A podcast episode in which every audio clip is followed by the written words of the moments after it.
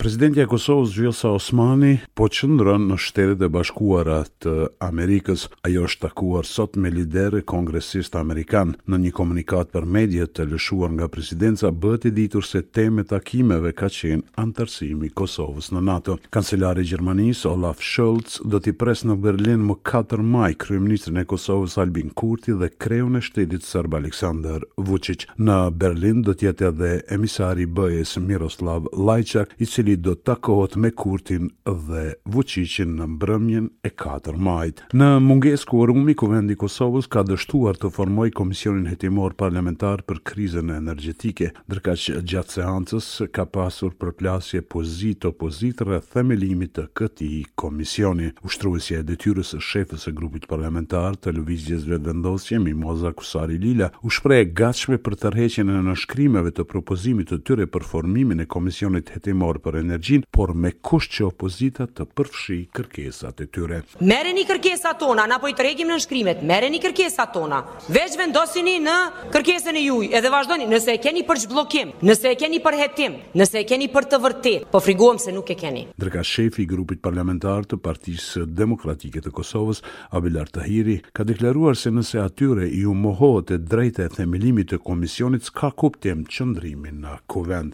Nëse s'votohet një komision i tillë, çfarë vlere më kemi na mo këtu me nejt në këtë kuvend, kur të mohohet një e drejtë kushtetuse? Politikani shqiptar nga Ulqini, Dritan Abazoviq, është zgjedhur kryeministër i ri i Malit të Zi. Ai dhe qeveria që do të udhëheqë, është votuar të enjten mbrëma. Për qeverinë e re votuan katërdhjetë e pesë deputetë nga tetëdhjetë e një sa i ka Kuvendi i Malit të Zi. Qeveria e re e Malit të Zi është e katërdhjetë e treta dhe pasardhëse e asaj që u shkarkua më katër shkurt e ku Abazoviqi ishte zëvendëskryeministër. Në Mejë të Gjakovës u shënua njëzet e tre vjetori i masakrës së treqind e shtatëdhjetë e gjashtë civilëve shqiptarë. Presidentja Vjosa Osmani dhe kryeministri Albin Kurti të cilët po qëndrojnë në Shtetet e Bashkuara të Amerikës, kanë kujtuar të pagjeturit në Ditën e Personave të Pagjetur dhe masakrën në Mejë të Gjakovës. Ata thanë se drejtësia do të vihet në vend kur para saj të dalin autorët e krimeve.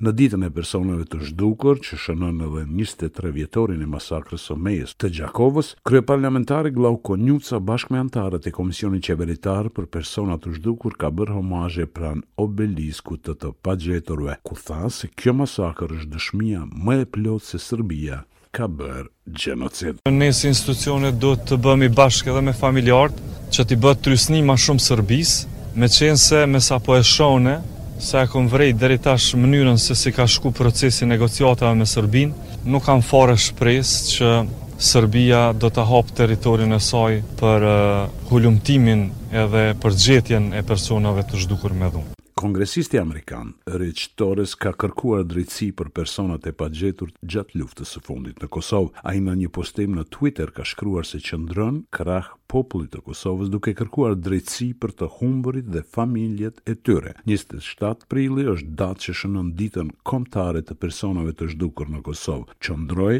krah popullit të Kosovës duke kërkuar drejtësi për të humburit dhe familjet e tyre, ka shkruar kongresisti amerikan Ritchie Torres. Kjo javë që po e lëmë pas ka shënuar edhe një sulm ndaj Policisë së Kosovës në veri të vendit. Për sulmin në veri u diskutua edhe në takimin e Komisionit Parlamentar për Punë të Jashtme dhe Diasporë me Komisionin për Çështjet e Sigurisë dhe Mbrojtjes. Kryetari i Komisionit për Siguri, Bekë Berisha shprehu shqetësim shqetësimin për këto sulme ndaj Policisë së Kosovës në Zubin Potok. Ky nuk duhet shihet si agresion nga Serbia, nuk është as sabotazh, por janë grupe kriminale, kontrabandistë që po sulmojnë Policinë e Kosovës. Domethënë neve na konvenon tani Kosova mos me u destabilizu. Në njëzetekatërorëshin e fundit janë shënuar njëzet e nëntë raste të reja me Covid nëntëmbëdhjetë në Kosovë, ndërsa nuk është shënuar asnjë rast i vdekjes nga koronavirusi. Në njoftimin e Ministrisë së Shëndetësisë bëhet e ditur se sot janë